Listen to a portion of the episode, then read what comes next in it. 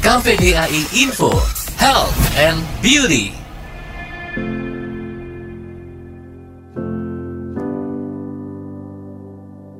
Mengapa kita menangis? Tiupan angin yang pelan atau rasa takut yang besar, kemasukan serangga atau rasa sedih yang dalam, serta rasa sakit yang menyengat, semua itu dapat membuat kita meneteskan air mata. Tak peduli apakah itu menyerang fisik atau perasaan kita, mata seperti mesin yang dapat memproduksi air mata tanpa kita sadari. Tetapi bagaimana cara kerjanya dan bagaimana air mata bisa keluar? Seperti sebuah mobil dengan cairan pembersih otomatis yang mampu menyapu noda di kaca depan, mata kita memiliki kemampuan yang sama untuk menjaga kornea mata kita dari benda asing yang masuk atau yang menghalangi pandangan.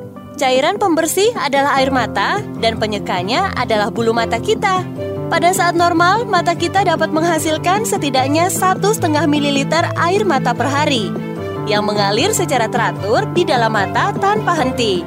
Semua air mata itu tertahan di permukaan mata dengan membentuk tiga lapisan, yaitu lapisan lendir, lapisan air, dan lapisan lipid.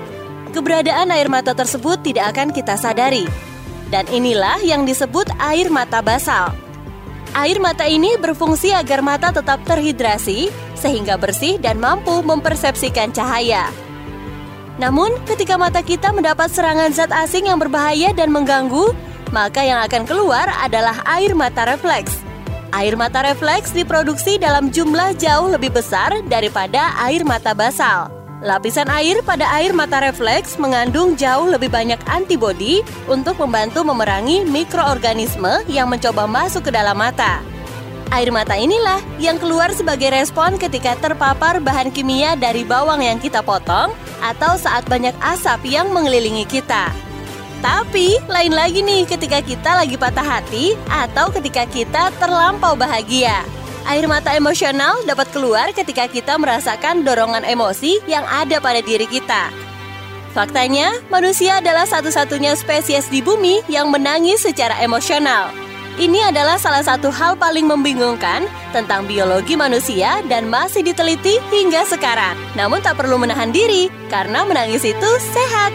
Air mata adalah salah satu cara terbaik untuk membersihkan tubuh dan jiwa dari luka, sehingga kita dapat terus berjalan dengan pandangan yang jelas.